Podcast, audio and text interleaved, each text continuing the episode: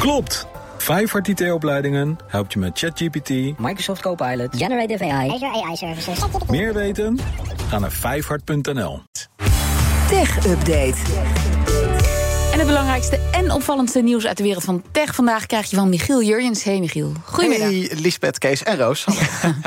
Mensen die een nieuwe iPhone 15 bestellen, ja, die moeten een beetje geduld hebben. Ja, Apple heeft wat productieproblemen, waardoor bepaalde uitvoeringen van die nieuwe iPhone moeilijk leverbaar zijn. Gaat bijvoorbeeld om de iPhone 15 Pro Max, dus de uh, grote uitvoering van de luxe uitvoering.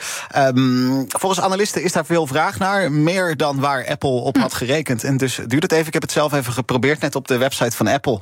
Je kunt hem wel bestellen, die 15 Pro Max, maar de levering wordt dan verwacht in de derde week van oktober en in bepaalde kleuren. Dan wordt het begin november. Oh, welke zijn het uh, populairst dan? De, de lichte tinten. De lichte Dus tinten. de lichte Wit, goud kleurtinten. en zo. Ja, ja. Ja, dat duurt allemaal echt lang. Die zie je natuurlijk heel vaak, omdat je telefoon in je broek zit.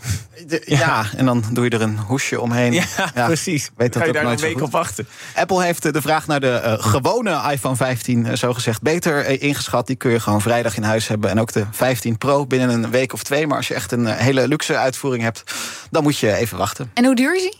Eh, oh, dat, ah, uit mijn hoofd, de iPhone 15 Pro Max, dan zit je boven de 1200. Ja, ja. Ja, ja precies bedrag weet ik niet, maar best duur. Ja. Ik had, ik had gelezen ergens, want ik heb net een nieuwe moeten kopen. Eh, En moeten ook, want ik had hem in de plomp laten vallen. En zonder telefoon kan een journalist niet leven. Nee. Dus ik had 1200 euro betaald voor deze iPhone eh, Pro. dat is 14. Dit is 14 En ik, Pro, ja, en het deed een beetje pijn dat ik toen las dat inderdaad nu die 15 uitkomt voor exact hetzelfde bedrag. En dat is dan de Pro, hè? Ja. Precies 1200. Ja, Ja, ja, hetzelfde bedrag. Oh, ik zie Ja. eh 1480 Oh, nog meer. euro. Nog meer. Voor de Pro Max. Oh, Ja, de Pro Max, die is Ja. groter. Ja. De Nederlandse politie kan telefoonnummers opvragen van gebruikers van, chat, van de chat-app Telegram. Dat is opvallend, omdat juist Telegram zich Ja. presenteert als een app waar je anoniem kunt praten. Een belofte die vaak herhaald wordt ook door de Russische oprichters van dat platform.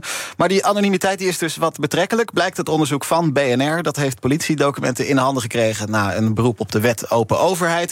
Het ging er vanochtend al even over in de ochtendspits hier op de radio. In die stukken staan onder andere instructies waarmee politiemedewerkers in spoedgevallen ja, IP-adressen en telefoonnummers kunnen vorderen bij Telegram.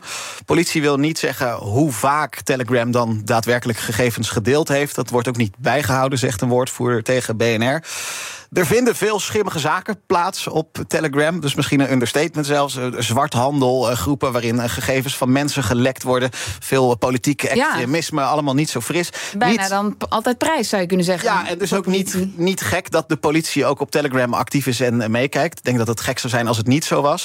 Maar strafrechtadvocaten die wijzen er ook op dat dat vorderen dat gebeurt zonder tussenkomst van een rechter. Opsporingsambtenaren hoeven eh, weinig of geen verantwoording af te leggen als ze om privégegevens vragen. Dus je kunt er wel vraagtekens bij zetten, ja. En dan de Franse president Macron, die heeft excuses aangeboden aan de game-industrie en aan de gamers in zijn land.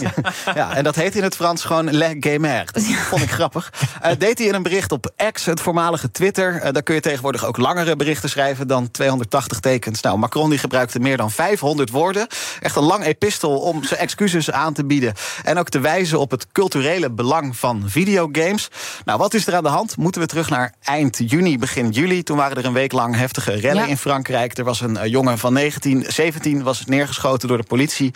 Eh, veel rellen toen. Doodgeschoten? Nou, doodgeschoten zelfs, inderdaad. Eh, Macron die verscheen op tv, wees toen op de rol van sociale media bij die rellen. Maar hij gaf ook videogames een beetje de schuld toen. chez les plus jeunes, conduit à une forme de sortie du réel. Et on a le sentiment parfois que certains d'entre eux euh, vivent dans la rue les jeux vidéo qui les ont intoxiqués. Nou, jouw Frans is iets beter dan het mijne, Lisbeth, dus verbeter me vooral. Maar hij heeft het over ja, jongeren die in de straten dan eh, videogames eh, naspelen. En die videogames zouden die jongeren vergiftigd hebben. Die discussie heb je wel vaker bij geweldsuitbarstingen. Er is nooit echt onderzoek geweest dat aantoont dat mensen die schietspelletjes spelen ook echt agressiever zijn in het echt. Dus er kwam veel kritiek. Zoveel kritiek dat Macron het nodig vond om dit weekend een heel uitgebreid bericht op X te schrijven. eh, waarin hij zegt dat hij inderdaad Le Gamer gekrenkt heeft met zijn uitspraken. Dat hij games daarentegen altijd heeft beschouwd als een kans voor Frankrijk, voor de jeugd, voor Kijk. banen, voor de economie. Eh, hij moet het ook wel zeggen. eh, Ubisoft, grote gameuitgever, eh, zit in Frankrijk. De eh, videogame-industrie verdient veel geld in Frankrijk. Eh, en is dus ja, belangrijk genoeg voor Macron om een uitgebreide mea culpa te doen dit weekend. Dankjewel, Michiel Jurjens. De BNR Tech Update wordt mede mogelijk gemaakt door Lenklen. Lenklen. Betrokken expertise, gedreven resultaat. Klopt. Dit is het moment om te starten met AI. Leer het in één dag met Vijfhart. Meer weten? Ga naar vijfhart.nl.